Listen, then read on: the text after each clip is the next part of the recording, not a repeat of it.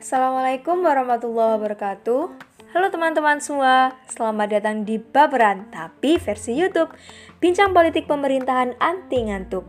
Perkenalkan, aku Emira Zahra, mahasiswa Departemen Politik Pemerintahan UGM Angkatan tahun 2020 Di episode kali ini, aku ingin membahas tentang salah satu topik dalam mata kuliah Sistem Institusi Pemerintahan Indonesia, yakni desentralisasi. Judul yang aku angkat Desentralisasi, sarana terciptanya good governance di Indonesia. Are you ready? Happy listening guys! Bagian pertama tentang desentralisasi di Indonesia. Ingin bebas dari bayang-bayang kekuasaan sentralistik dan otoriter menjadi salah satu dorongan terbesar untuk menciptakan sebuah tata kelola pemerintah yang demokratis. Kegagalan konsep sentralistik pada masa Orde Baru menjadi salah satu bukti adanya ketidakmampuan pemerintah untuk menyediakan jalan keluar atas persoalan tiap daerah, sehingga mendorong perubahan ke arah reformasi desentralisasi.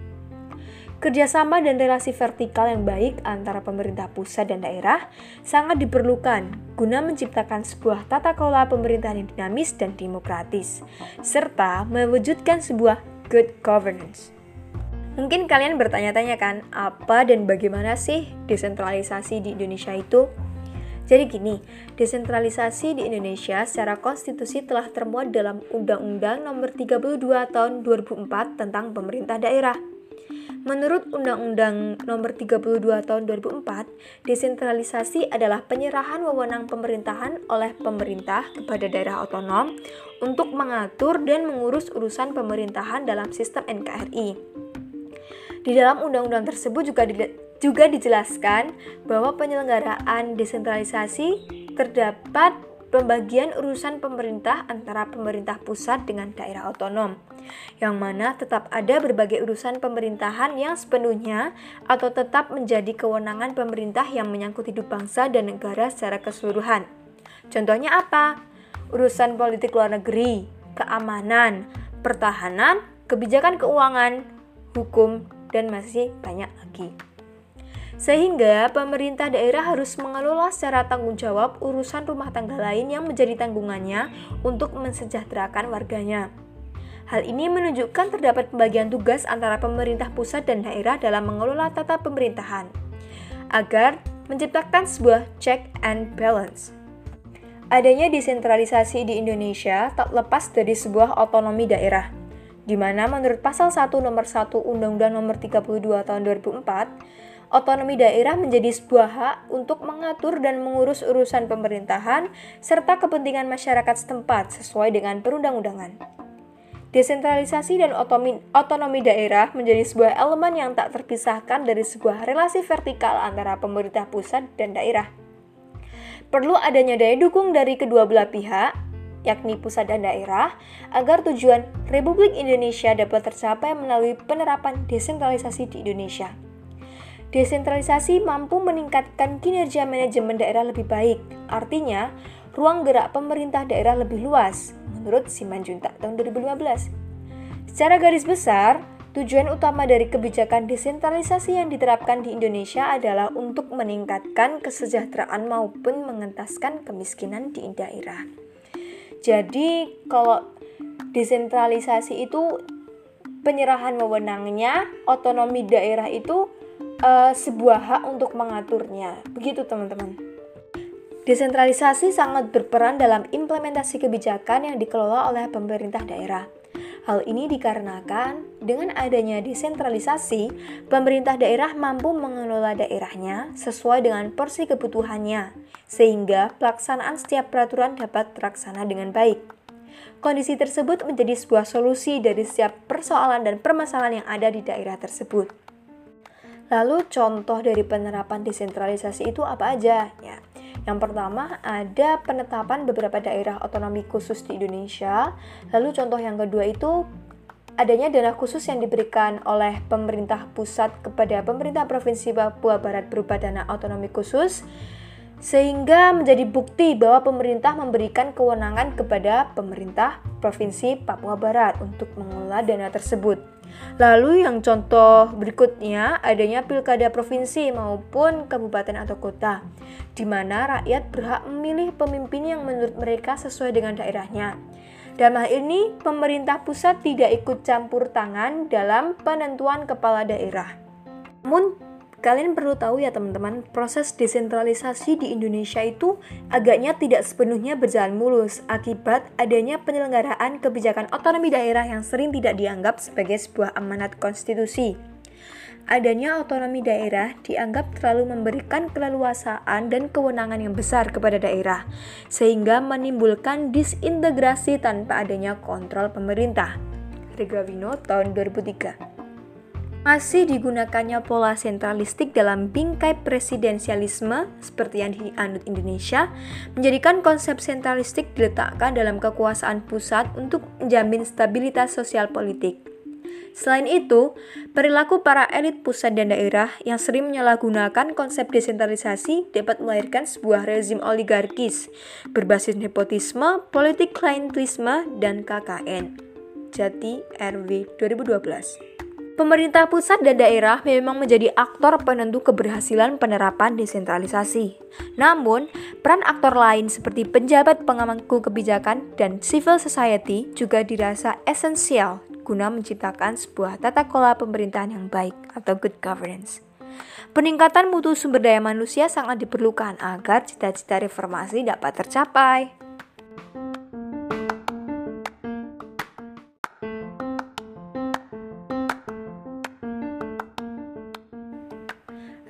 Assalamualaikum warahmatullahi wabarakatuh. Halo teman-teman semua, selamat datang di Baperan, tapi versi Youtube. Bincang politik pemerintahan anti ngantuk. Perkenalkan, aku Emira Zahra, mahasiswa Departemen Politik Pemerintahan UGM Angkatan tahun 2020 Di episode kali ini, aku ingin membahas tentang salah satu topik dalam mata kuliah Sistem Institusi Pemerintahan Indonesia, yakni desentralisasi. Judul yang aku angkat Desentralisasi, sarana terciptanya good governance di Indonesia. Are you ready? Happy listening guys! Bagian pertama tentang desentralisasi di Indonesia. Ingin bebas dari bayang-bayang kekuasaan sentralistik dan otoriter menjadi salah satu dorongan terbesar untuk menciptakan sebuah tata kelola pemerintah yang demokratis. Kegagalan konsep sentralistik pada masa Orde Baru menjadi salah satu bukti adanya ketidakmampuan pemerintah untuk menyediakan jalan keluar atas persoalan tiap daerah, sehingga mendorong perubahan ke arah reformasi desentralisasi. Kerjasama dan relasi vertikal yang baik antara pemerintah pusat dan daerah sangat diperlukan guna menciptakan sebuah tata kelola pemerintahan yang dinamis dan demokratis, serta mewujudkan sebuah good governance. Mungkin kalian bertanya-tanya kan, apa dan bagaimana sih desentralisasi di Indonesia itu? Jadi gini, desentralisasi di Indonesia secara konstitusi telah termuat dalam Undang-Undang Nomor 32 Tahun 2004 tentang Pemerintah Daerah. Menurut Undang-Undang Nomor 32 Tahun 2004, desentralisasi adalah penyerahan wewenang pemerintahan oleh pemerintah kepada daerah otonom untuk mengatur dan mengurus urusan pemerintahan dalam sistem NKRI. Di dalam undang-undang tersebut juga di, juga dijelaskan bahwa penyelenggaraan desentralisasi terdapat pembagian urusan pemerintah antara pemerintah pusat dengan daerah otonom, yang mana tetap ada berbagai urusan pemerintahan yang sepenuhnya atau tetap menjadi kewenangan pemerintah yang menyangkut hidup bangsa dan negara secara keseluruhan. Contohnya apa? Urusan politik luar negeri, keamanan, pertahanan, kebijakan keuangan, hukum, dan masih banyak lagi. Sehingga pemerintah daerah harus mengelola secara tanggung jawab urusan rumah tangga lain yang menjadi tanggungannya untuk mensejahterakan warganya. Hal ini menunjukkan terdapat pembagian tugas antara pemerintah pusat dan daerah dalam mengelola tata pemerintahan agar menciptakan sebuah check and balance. Adanya desentralisasi di Indonesia tak lepas dari sebuah otonomi daerah di mana menurut pasal 1 nomor 1 Undang-Undang nomor 32 tahun 2004, otonomi daerah menjadi sebuah hak untuk mengatur dan mengurus urusan pemerintahan serta kepentingan masyarakat setempat sesuai dengan perundang-undangan. Desentralisasi dan otonomi, otonomi daerah menjadi sebuah elemen yang tak terpisahkan dari sebuah relasi vertikal antara pemerintah pusat dan daerah. Perlu adanya daya dukung dari kedua belah pihak, yakni pusat dan daerah, agar tujuan Republik Indonesia dapat tercapai melalui penerapan desentralisasi di Indonesia. Desentralisasi mampu meningkatkan kinerja manajemen daerah lebih baik, artinya ruang gerak pemerintah daerah lebih luas, menurut Simanjuntak tahun 2015. Secara garis besar, tujuan utama dari kebijakan desentralisasi yang diterapkan di Indonesia adalah untuk meningkatkan kesejahteraan maupun mengentaskan kemiskinan di daerah. Jadi, kalau desentralisasi itu penyerahan wewenangnya, otonomi daerah itu uh, sebuah hak untuk mengaturnya. Begitu, teman-teman. Desentralisasi sangat berperan dalam implementasi kebijakan yang dikelola oleh pemerintah daerah. Hal ini dikarenakan dengan adanya desentralisasi, pemerintah daerah mampu mengelola daerahnya sesuai dengan porsi kebutuhannya, sehingga pelaksanaan setiap peraturan dapat terlaksana dengan baik. Kondisi tersebut menjadi sebuah solusi dari setiap persoalan dan permasalahan yang ada di daerah tersebut. Lalu contoh dari penerapan desentralisasi itu apa aja? Ya, yang pertama, ada penetapan beberapa daerah otonomi khusus di Indonesia. Lalu contoh yang kedua itu adanya dana khusus yang diberikan oleh pemerintah pusat kepada pemerintah Provinsi Papua Barat berupa dana otonomi khusus sehingga menjadi bukti bahwa pemerintah memberikan kewenangan kepada pemerintah Provinsi Papua Barat untuk mengelola dana tersebut. Lalu yang contoh berikutnya adanya pilkada provinsi maupun kabupaten atau kota, di mana rakyat berhak memilih pemimpin yang menurut mereka sesuai dengan daerahnya. Dalam hal ini, pemerintah pusat tidak ikut campur tangan dalam penentuan kepala daerah. Namun, Kalian perlu tahu ya teman-teman, proses desentralisasi di Indonesia itu agaknya tidak sepenuhnya berjalan mulus akibat adanya penyelenggaraan kebijakan otonomi daerah yang sering tidak dianggap sebagai sebuah amanat konstitusi. Adanya otonomi daerah dianggap terlalu memberikan keleluasaan dan kewenangan yang besar kepada daerah, sehingga menimbulkan disintegrasi tanpa adanya kontrol pemerintah. Regawino tahun 2003 masih digunakannya pola sentralistik dalam bingkai presidensialisme seperti yang dianut Indonesia, menjadikan konsep sentralistik diletakkan dalam kekuasaan pusat untuk menjamin stabilitas sosial politik. Selain itu, perilaku para elit pusat dan daerah yang sering menyalahgunakan konsep desentralisasi dapat melahirkan sebuah rezim oligarkis berbasis nepotisme, politik klientelisme, dan KKN. Jati RW 2012 Pemerintah pusat dan daerah memang menjadi aktor penentu keberhasilan penerapan desentralisasi. Namun, peran aktor lain seperti penjabat pengamangku kebijakan dan civil society juga dirasa esensial guna menciptakan sebuah tata kelola pemerintahan yang baik atau good governance. Peningkatan mutu sumber daya manusia sangat diperlukan agar cita-cita reformasi dapat tercapai.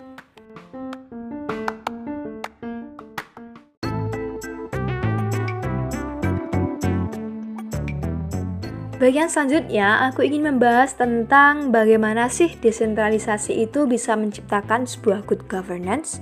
Pelaksanaan desentralisasi di Indonesia sering ber, bukan sering, sangat berkaitan dengan good governance, di mana satu sama lain saling memberikan pengaruh atas kebijakan yang ada. Hasil dari desentralisasi tersebut nantinya akan menjadi sarana untuk menciptakan sebuah good governance. Pada hakikatnya, ini kalian perlu catat ya. Good governance adalah bagaimana mengelola negara secara kolaboratif antara pemerintah, swasta, dan masyarakat dengan mendasarkan asas-asas tertentu, di antaranya asas persamaan, asas kepastian hukum, asas kepercayaan, asas kecermatan, dan asas pemberian alasan. Akadun tahun 2007. Jika kita elaborasi lebih jauh, pelaksanaan desentralisasi berkaitan dengan prinsip-prinsip good governance versi UNDP. Prinsip-prinsip tersebut di antaranya partisipasi, transparansi, akuntabilitas, efektif dan efisien, mengembangkan kepastian hukum, responsif, konsensus oriented, dan equity and inclusiveness. Dalam hal ini, pemerintah daerah sebagai pelaksana konsep desentralisasi dalam mengelola tugas rumah tangganya sering melibatkan aktor politik. lembaga pemerintah maupun non-pemerintah ya, untuk menciptakan sebuah kebijakan daerah. Sehingga partisipasi publik tetap berperan dalam setiap pengelolaan pembangunan daerah yang mampu mendorong iklim good democracy and good governance. Dengan adanya konsep desentralisasi, pemerintah daerah diberikan keleluasaan untuk memberikan bukti transparansi tujuan diterbitkannya sebuah kebijakan, sehingga warga memahami dan menyesuaikan diri dengan kebijakan tersebut.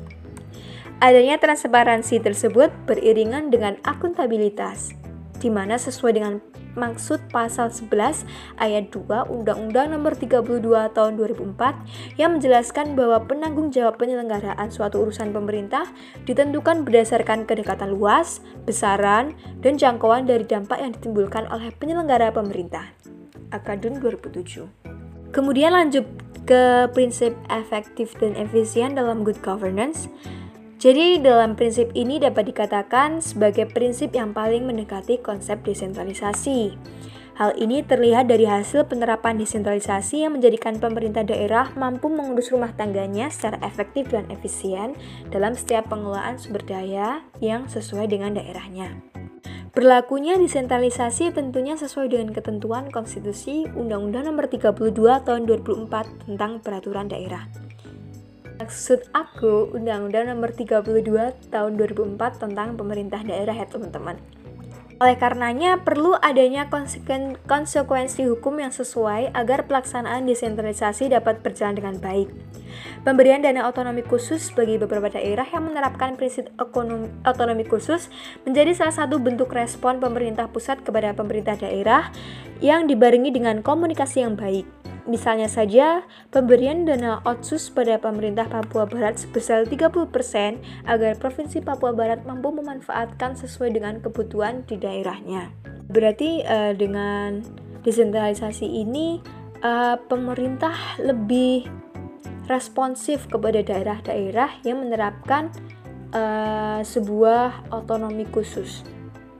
Untuk selanjutnya, menurut Mardiasmo 2002 dalam Akudin 2007, indikasi sebuah keberhasilan desentralisasi adalah terjadinya peningkatan pelayanan dan kesejahteraan masyarakat yang semakin baik, kehidupan demokrasi yang semakin maju, adil, dan merata. Adanya desentralisasi yang diterapkan di Indonesia telah menjamin prioritas kebijakan politik, ekonomi, dan sosial, yang di mana didasarkan pada kebutuhan rumah tangga tiap pemerintah daerah. Terjangkauan dan pemerataan pelayanan publik menjadi salah satu tujuan diterapkannya desentralisasi yang selaras dengan prinsip equity and inclusiveness.